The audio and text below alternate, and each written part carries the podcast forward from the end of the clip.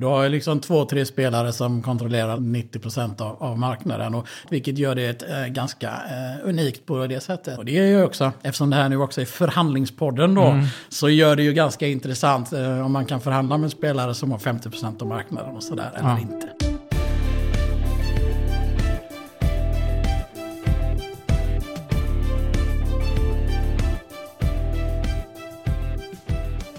Hej och välkommen till Förhandlingspodden. Och eh, vi stänger här med säsong 11.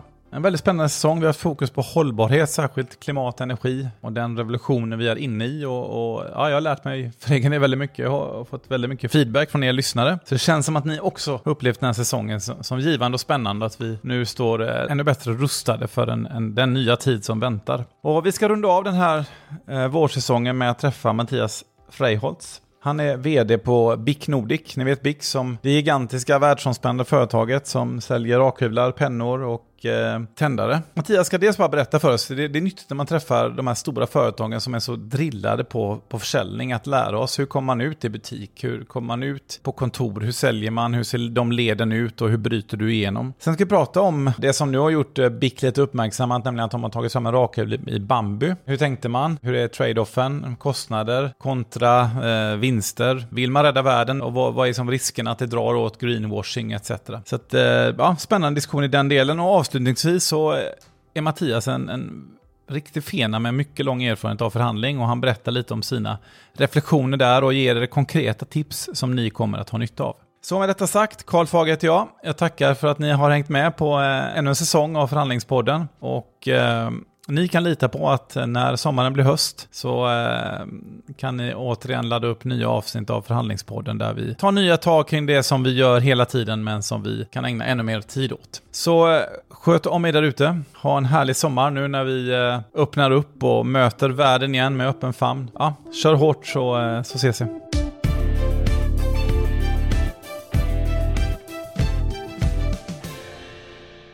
Mattias Freiholtz, varmt välkommen till Förhandlingspodden. Stort tack för det. Du, eh, hur är läget med dig då? Det är bara bra. Ja. Speciellt nu när de får komma hit. Underbart. Du, eh, du är ju i eh, en bransch som vi inte har kikat in så mycket på här i Förhandlingspodden, men, men ja, engångsartiklar kan vi säga. Eller hur, hur benämner du liksom din pennor, rakhyvlar, tändare? Hur, hur, hur finns det någon liksom kategorisering på, på era produkter? Ja, det gör det. Ja. Och just, det är intressant att du börjar just med engångsartiklar. Ja. Va? För det är ju det begreppet som vi väldigt ofta fastnar under. Ja. Det är väl ett begrepp som vi har fått på grund av att våra marknadsinstitut och så börjar dela in produkter så säger de disposable shavers och mm, sådär. Mm. För oss eh, är det ju inte engångsartiklar tycker jag, utan vi har ju liksom våra rakhyvlar om man tittar på. De använder man ju inte en gång liksom. Utan vi har med utbytbara blad. Du kan mm. använda dem 15-20 gånger. Vi har pennor. Mm. skriver 3 kilometer. Du kan fylla på och sådär. Så det är oftast lite det där vi har emot oss. Det är en orättvis beskrivning. Ja, men jag, jag mm. tycker nog mm. eh, det. Den branschen då som vi, som vi rör oss i egentligen då. Det är ju liksom. Eh, vi kallar det själva value for money-produkter som vi gör då liksom. Till bra pris. Men de klarar ändå väldigt länge. Sen branschen vi rör oss i. Det är ju. Vi har våran business indelad i två delar idag. Så den ena är ju då office supply som vi kallar det, det är ju kontorshandeln. Där vi mm. säljer mest, eh, i princip bara pennor. Man köper inte kanske inte så mycket rakhyvlar och tändare till kontoren. Dagligvaruhandeln och retail-businessen då och e-commerce också som vi har mycket i. Och där är ju dagligvaruhandeln, det är de stora spelarna som ICA, Coop och eh, andra aktörer. Mycket bra. Låt oss bryta ner det lite, för det tror jag många, ja. många lyssnare som, som antingen själva eller man, man funderar på hur, hur kommer man ut till, till kontoren och hur kommer man ut i dagligvaruhandeln? Eh, om vi börjar med dagligvaruhandeln där, eh, hur, för där, där ja, men nu är ni ett stort företag, det är väl ni och inom rakhuvudsegment så är det väl ni och Skellett som är dominerande och liksom, ja, ni är ett worldwide stort, stort företag. Så då, då, då, vet du hur man gör. Hur gör man för att liksom komma, komma igenom där och komma ut? Ja, men det är ju, alltså om vi tittar dagligvaruhandeln överlag, det är ju en ganska hög eh, tröskel. Både Sverige och hela Norden i princip är ju lite unik om man jämför mot övriga eh, Europa. Det är ju liksom en typ av oligopol-business. Eh, liksom. Du har ju liksom två, tre spelare som kontrollerar liksom, eh, 90 procent av, av, marknaden. Och det är mönstret om du tittar eh, på hela Norden så har du det lite överallt. I, i eh, Sverige har du ICA som är dominant till exempel. Mm. I Norge har du Norgesgruppen och sen kommer man till Danmark med Salling Group. Och, alltså det, du ser det mönstret överallt vilket gör det ett, eh, ganska eh, unikt på det sättet. Mm.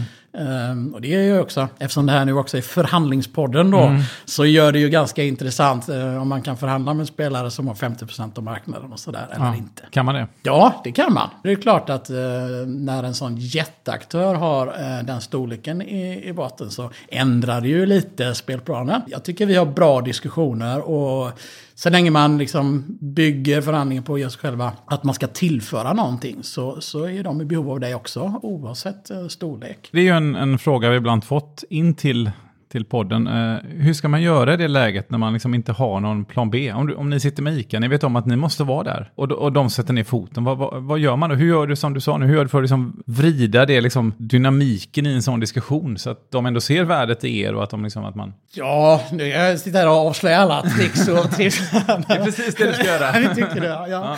Nej, men alltså i, egentligen i grund och botten så handlar det om ett gemensamt intresse. Och det är mm. lite det man får utgå ifrån. Det är klart att om de stora aktör på Norden, eh, våra nordiska kunder, bara säger att nej men vi är inte intresserade och vi tar bort allting. Ja men det är klart, då, då står vi ju där liksom. Men än så länge har vi inte kommit dit. Och jag har ändå varit med ganska länge. Så att eh, jag tror mycket på den eh, gemensamma affären och det gemensamma intresset. Och så, så länge man har respekt för varandra och ser varandras utmaningar. Och, och man har en tät dialog framför allt. Så får man liksom sällan eh, obekväma eh, överraskningar. Utan att därmed säga att det liksom är tuffa förhandlingar. Och ibland så åker man dit och så svider det lite och så får man resa sig upp igen. Mm. Vi, vi, bara säger oss att jag och du nu efter podden här så får vi lite feeling och vi, vi startar ett nytt bolag med någon, liksom, någon ny value for money-produkt och vill komma in på ICA. Vad är, vad är nyckeln för de som sitter inne och känner där, där vill man ju vara? För det känns som att det garanterar ganska bra volym om man kommer in på ICA centralt. Ja, det är det. Enorm volym.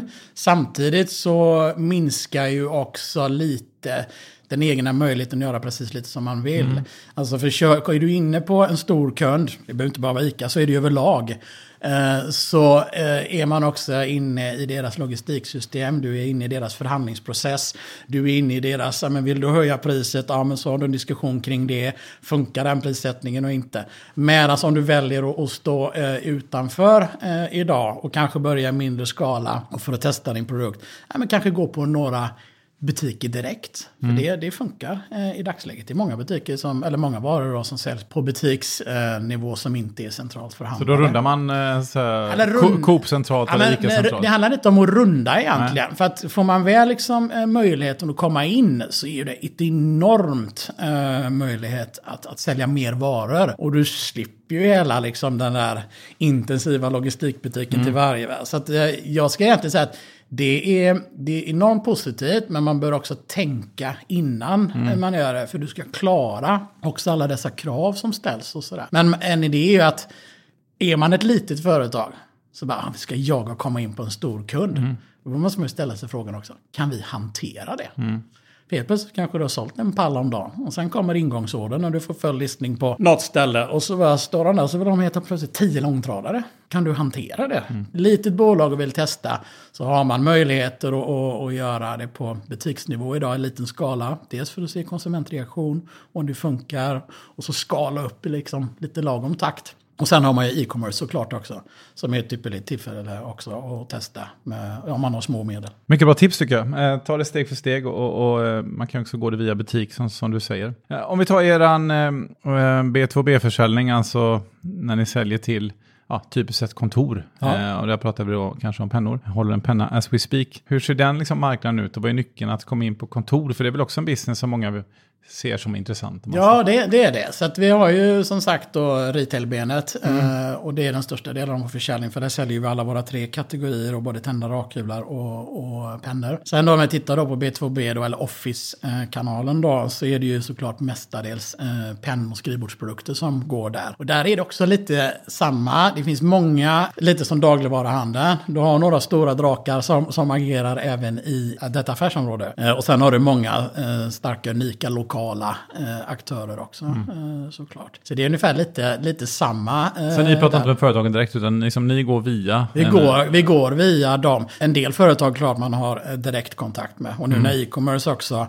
eh, har utvecklats det sista året så är det klart att de har ju också möjlighet att, att, gå direkt till marknaden på ett annat sätt. Men i grund och botten så går vi ju via de här stora återförsäljarna. På business to business-sidan så är det ju Staples och Lyreco och Office Depot som är de stora kanske eh, internationellt kända eh, och europeiska eh, spelarna. Mm. Och där eh, tillkännagavs ju dessutom ett acquisition eh, här för eh, några veckor sedan och det var att Lyreco köper Staples då. Mm. Och det är ju de två största eh, spelarna. Så att, vi vet inte riktigt hur det kommer att te sig här framöver och Konkurrensverket om de har någonting att säga och sådär. Men så vi får, vi får se hur det går. Vad ser man för trender där för bara en nyfikenhet? Jag tänker liksom i de här digitala, digitala tiderna ser man liksom efterfrågan på pennor. Har den Tänker om man sitter och knappar på sin iPad eller sin dator istället. Mer än att skriva, vad, vad ser man för trender? Nej, men det, det är ju någonting eh, som jag ofta hör. Jobbar du på BIC? Aha, döende business. Digitalt, va? Det är det faktiskt inte. Det är så att det som har, eh, om vi tittar på pennbranschen, så mm. liksom, det utvecklas ju hela tiden med eh, produkter och mer premiumprodukter och allting mm. sånt. Så att tittar man värdemässigt sett så har ju den här eh, pennbusiness, den har ju liksom ökat under alla år. Mm. Så vi har aldrig sett den där liksom att nu börjar alla. Och jag menar att du, just nu sitter du själv med en penna i handen mm, mm. och ett papper. Och jag tror att drar vi ut våran byrålåda idag, håller på kontoret eller var vi än sitter, så, så har vi väldigt mycket pennor. Mm. Och det går inte ersätta ett tangentbord och anteckningar till att sitta fririta och du vet, ett streck och highlighta vad man vill mm. ha och sådär. Så att det är faktiskt, eh, har inte blivit något jättedropp ihop med den digitala eh, biten. Där, den stora biten när det gäller digitala utvecklas, det är ju papper mm. kopieringspapper mm. och hela den biten. Skriva ut allting sånt. Först skrev du ut och posta.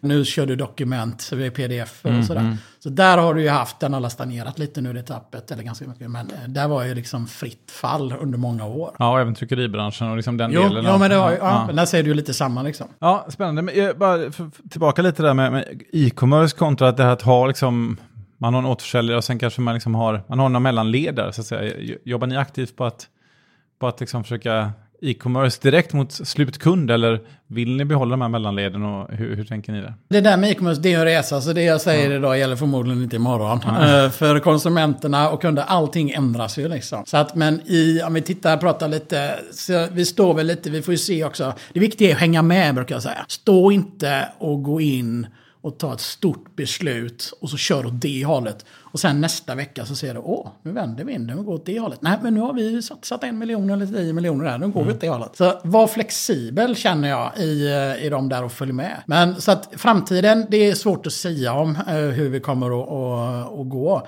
Men om man tittar på vad vi gjort tillbaka i tiden, så med den typen av produkter som vi har, så är det ju liksom, om konsumenten ska gå till varje liten leverantör på varje enskild produkt de ska köpa. Ja, men du köper pennor, ja, men då går vi direkt till BIC. Mm. Sen så köper jag mm, papper, ja, men då går jag direkt till en pappersleverantör. Det är ganska små utlägg, vilket gör att det funkar ju då bättre att gå via stora aktörer som redan är etablerade mm. och har hela varukorgen. Sen har du ett större värde om du ska göra investering i kapitalvara. Mm. Du ska köpa men som bil som du kan köpa på nätet. Och så här. Ja, men då då kan du liksom sätta några timmar på att titta och urval och välja produkter där och göra inköpet där. Men jag, jag tror inte konsumenten är så, jag kommer att gå på de här mindre utläggen direkt till leverantörerna.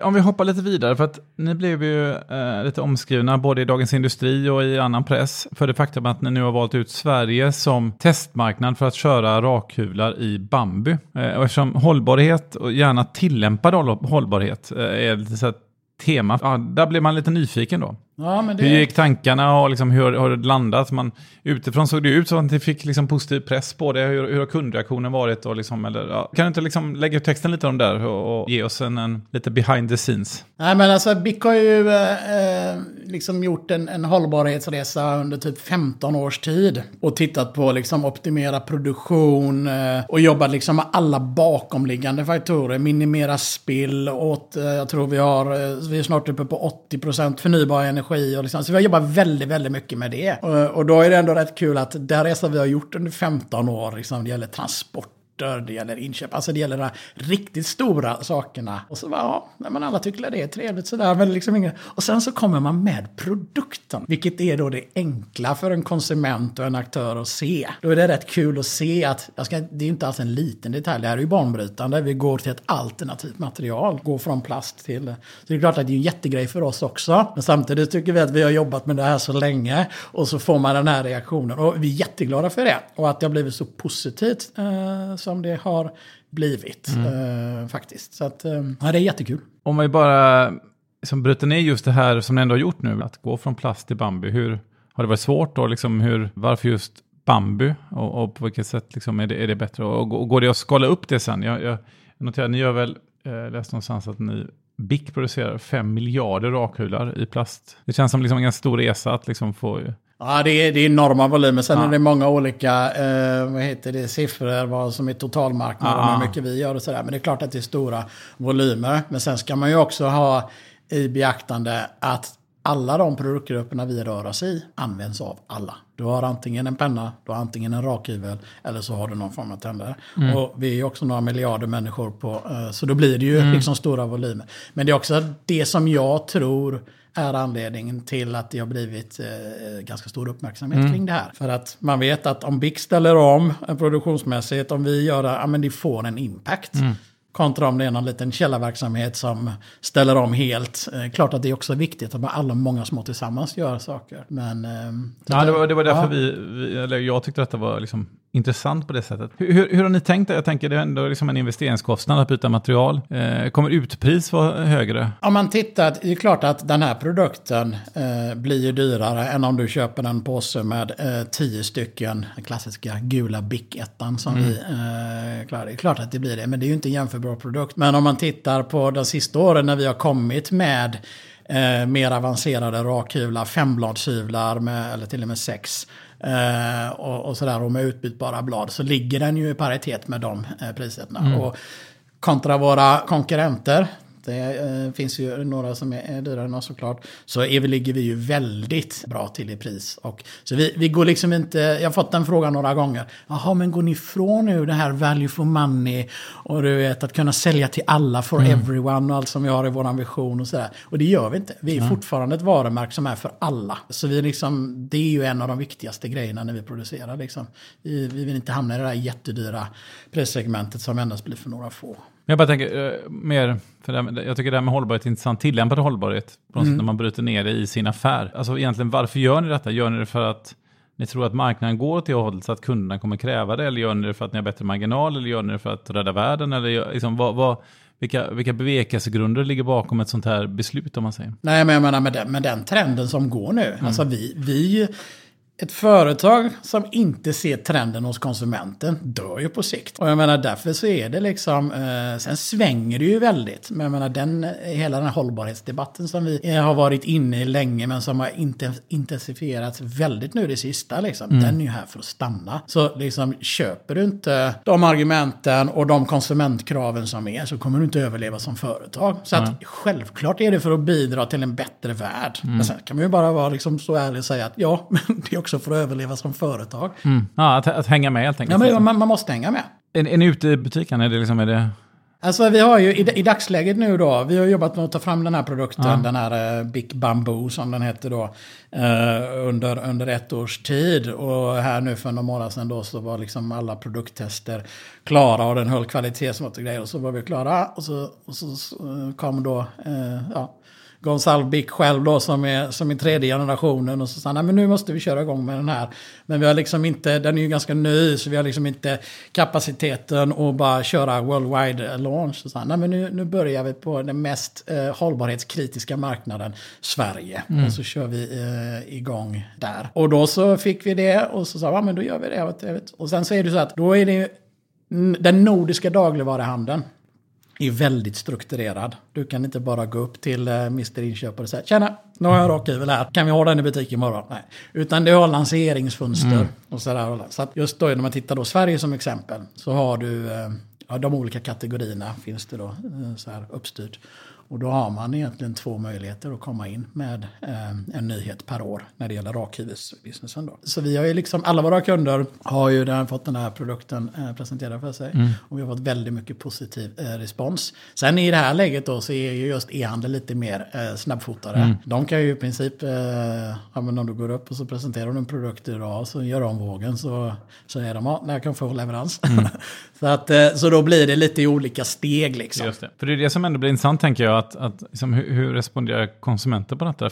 Man, man, man hoppas ju någonstans att det här underliggande trycket finns mot en hållbarare värld. Ja. Kanske också folk får vara beredda att kanske lägga någon krona. Kanske ni får vara beredda att lägga någon krona i mindre marginal också. Att det liksom ja. kommer från bägge håll. Så att, ja, nej, men så svar på din fråga egentligen är att ja, men den finns ju tillgänglig. Det är bara mm. att gå ut och, och lägga en order så mm. ni den imorgon. mm. Och ni fick ju bra respons där, för det, det, man bör och vill och måste ju i princip följa med den här utvecklingen mm. mot en uh, ny och bättre värld. Hur, hur tänkte ni där, liksom ändå, ja, ni gick ut offensivt med detta som liksom mm. att slå er för bröstet lite. Ser ni någon risk för att liksom, för en bakslag i det där, att någon skrapar på ytan och hittar något annat? Eller? Det där är ju väldigt svårt att säga man ser någon risk. Det finns ja. ju alltid risker, speciellt med sociala medier och tyckare eh, hit och dit och sådär. Men, men vad som är viktigt tror jag, eftersom vi har fått vad jag vet i alla fall så har vi fått väldigt varmt mottagande av både kunder och eh, på sociala medier och, och, lite överallt och tidningsartiklar och sådär. Jag tror att det beror på, lite som jag sa innan, eh, dels för att vi är ett stort företag, säljer mycket produkter, så de inser att oj, alternativ eh, material, men det kan ju liksom verkligen påverka någonting. Mm. Men sen när man tittar, vi som företag, eh, vad vi har gjort innan vi sätter en sån här för att liksom det ska verka ärligt och, och, och, genomtänkt. Det är ju också lite att den här hållbarhetsresan som jag pratade om innan, den börjar ju inte med att bara slänga upp en produkt på marknaden.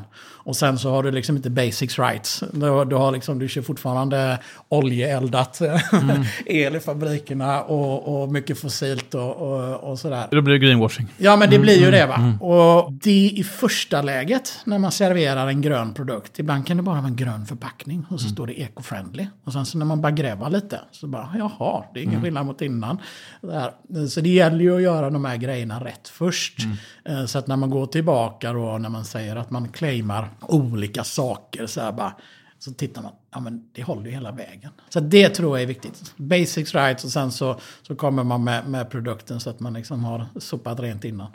Om fem år, tror du att allt är bambu i, i rakhyvelsvärlden eller är det, vad ser vi för material? Nej men det, det här är ju väldigt, alltså just för du frågade lite innan, varför valde vi bambu liksom? Mm. Och då är det ju så att man kan tycka, men rakhyvel, det är en enkel produkt, det går att köra vad som helst. Mm. Men du vet, du har den i duschen, mm. du har den i alltså, olika miljöer, du använder den frekvent. Så det är rätt stora påfrestningar. Mm. Så man kan inte ta vad som helst eh, och sätta rakblad på ett löv eller sådär va. Utan, eh, så så det måste ju hålla kvalitet. Och nu har ju det här klarat kvalitetstesten eh, såklart. Men sen vad som kommer, eh, för vi har ju en, i en målsättning vi har ganska uttalad målsättning när det gäller hållbarhet i olika mål. Och då är ett av målen är ju att, att se över alternativa material. Mm. Och det här är den första produkten ut med ett alternativt material. Sen vet jag att det pågår en massa spännande projekt. Så imorgon kanske vi har något helt annat eh, material. Men det beror ju lite på hur det, hur det funkar och landar hos konsumenten och sådär. Med. Så att, eh, funkar det jättebra, ja då kommer vi säkert se väldigt mycket mer eh, bambu eh, framöver. Och blir det ljummet mottagande av konsumenten så får vi titta på andra material. Du, det här med förhandling är ju någonting som du ägnar dig väldigt mycket åt. Ja. Jag har gjort i många olika sammanhang. och, och eh, vad har du för syn på det där? Tycker du att vi eh, är vi bra förhandlare? Lär vi oss tillräckligt om det där? Det, det är sånt som förhandlingsborden driver hårt att vi ska lära oss mer om. Jo, nej, men livet är ju en enda stor uh, förhandling och som jag sa innan, då har jag ju en fru och två döttrar hemma så att även privat så är det ju en konstant förhandling. Ah, ah, även om jag inte vinner dem där hemma så ah. många. Nej, men det med förhandling är, det som har slagit mig uh, lite, det var faktiskt för ett gäng år sedan när jag var på en uh, riktigt bra förhandlingsutbildning. Jag har gått några stycken, inte jättemånga, men jag var på en av lite lite större kaliber som faktiskt pågick under en vecka. Och eh, vi var i London tror jag. Eh, och sen så då var det jag där. Jag hade en försäljningschef med mig. Eh, jag träffade liksom europeiska, de kom från hela Europa. Eh, det, och det var höga eh, förhandlingschefer, inköpschefer från stora multinationella bolag. Och vi var ett gäng på 15 tror jag. Och så började första dagen. Och så eh, började han som ledde kursen så sa han så ja, innan vi börjar här nu så skulle jag vilja ta reda lite på hur mycket tid, för ni jobbar ju alla med förhandlingar och har gjort så dagligen under 10, 15, 20, 30 år. Hur mycket tid har ni lagt på utbildare inom förhandling? Tyst. För alla visste med sig att de hade inte så mycket i bagaget. Och så gick han från en person till en person. Ja, den ena han hade kanske, ja, jag hade en halvdagsutbildning 1983. Och så gick de vidare. Och, så där. och den som toppade i princip var väl kanske en till två dagars totalt. Och det satte, då reflekterar jag över att oj, vad lite tid man lägger på det. Sen är det klart, som säljare, jag har ju själv varit säljare och mm. gjort tusentals kundbesök i mina dagar på butiksnivå och sådär. Det är klart att volym ger färdighet.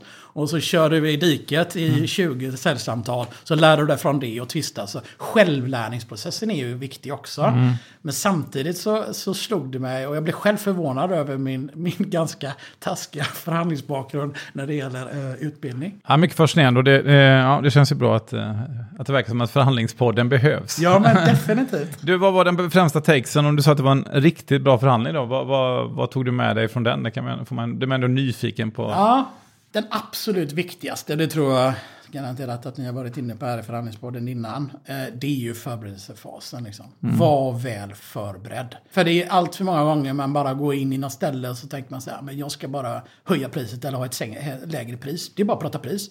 Ja, men det är så mycket i det. Så tänk till vad du kan förhandla om, vad du kan få för motargument, vad du har för case, underbygga och hela den biten. Och sen någonting som jag också tycker är viktigt som man, som man ofta glömmer. Det är att man har, ja, men om du ska förhandla en sak, så tänker du bara att du ska förhandla den saken. Men den saken kanske inte är den viktiga för din kund. Eh, så att gör liksom en bruttolista. Så till exempel, om, tar den, om du har ett kontrakt till exempel, eh, som ska förhandlas med en samarbetspartner. Så börja lista alla detaljer i det kontraktet som går att förhandla om. Och inte bara om du nog tror att du ska gå in och förhandla kontraktstiden. Det är det viktiga för dig. Så tänker du att det är bara det jag vill åt. Men så finns det 20 andra saker där i. Mm. Det är fraktvillkor, det är betaldagar, det är mm. allting. Och då går du in och förhandlar kring dem och sen så när du har gjort den bruttolistan så brukar jag alltid ha som regel att jag försöker liksom komma in i huvudet på min motpartner. Så att försöka tänka, vad är viktigt för dem? Vad är mindre viktigt för mig? Så om nu då, om vi tar ett exempel, ja, men vi säger eh, avtalstiden, den är jätteviktig för mig. Mm. Där vill jag ha max, jag vill ha 10 år där. Kontra betaldagar, om jag får 30 eller 45, ja, det är inte jätteviktigt för mig. Men det är jätteviktigt för konsumenten. Då blir det, okej, okay, får jag 10 år så släpper jag mina 45 dagar till 30. Och så är det liksom Ge och ta. Win-win. Win-win, mm. precis. Där blir jag ju nyfiken, komma in i huvudet. För det, det är någonstans, man brukar prata om att ibland ser man fram liksom pokerspel och sådär.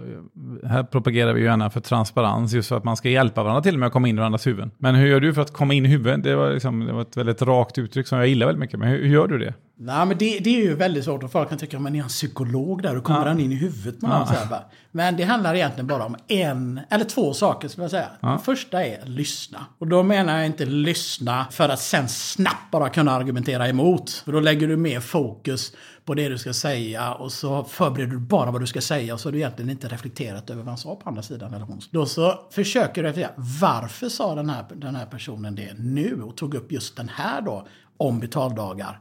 Varför var det det första de ville ta upp? Är det extra viktigt då? Så att du gör en analys kring det. För att om man gör en analys till det, då får man sig ganska en, en bild ganska fort om själva förhandlingsmiljön eh, och sådär. Och det menar jag att om man lyssnar och reflekterar innan man bara direkt börjar med sina argument, då kommer man in i huvudet mm. på sin motpart. Ja, härligt. Jag gillar den här grejen. Du sa nu också fundera på, på tajmingen från motpartens sida. Ja, mm. Mycket bra. Förberedelsen, den här bruttolistan tycker jag också är ett jättenyttigt, bra, konkret tips. Att man liksom på något sätt målar upp hela förhandlingskartan för sig. Och använder det egentligen. Det handlar om att spela på hela pianot och inte bara på ja, tre, tre tangenter. Ja. Var det någonting mer du vill addera där? Eller som du... Nej, men det är väl key. Sen är det sådana små tricks och fix mm. och sådär. Men det är väl inte de stora grejerna. Men jag brukar säga, ja, men om man ska ta ha en grej också här. Att, att man brukar säga att ja, men förhandlingen sker inte när man förhandlingen.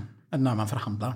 Utan den har ju, alltså egentligen, den sker ju i förberedelsefasen. Mm. Jag menar det där är ju bara sista sluttampen liksom. Mm. Så att liksom, ska du fördela tiden så lägg den 90% på förberedelser och sen 10% på genomförande. Och inte tvärtom, för då eh, blir det oftast inte så bra. Punkt och amen på det säger vi härifrån som har propagerat mycket för förberedelsefasen. Du eh, Mattias, eh, fantastiskt oerhört intressant både om, om, din bransch och om hållbarhetsomställningen och eh, det här avslutande segmentet om förhandling. Stort tack för att du tog dig tid att komma till förhandlingsbordet. Stort tack för att jag fick komma.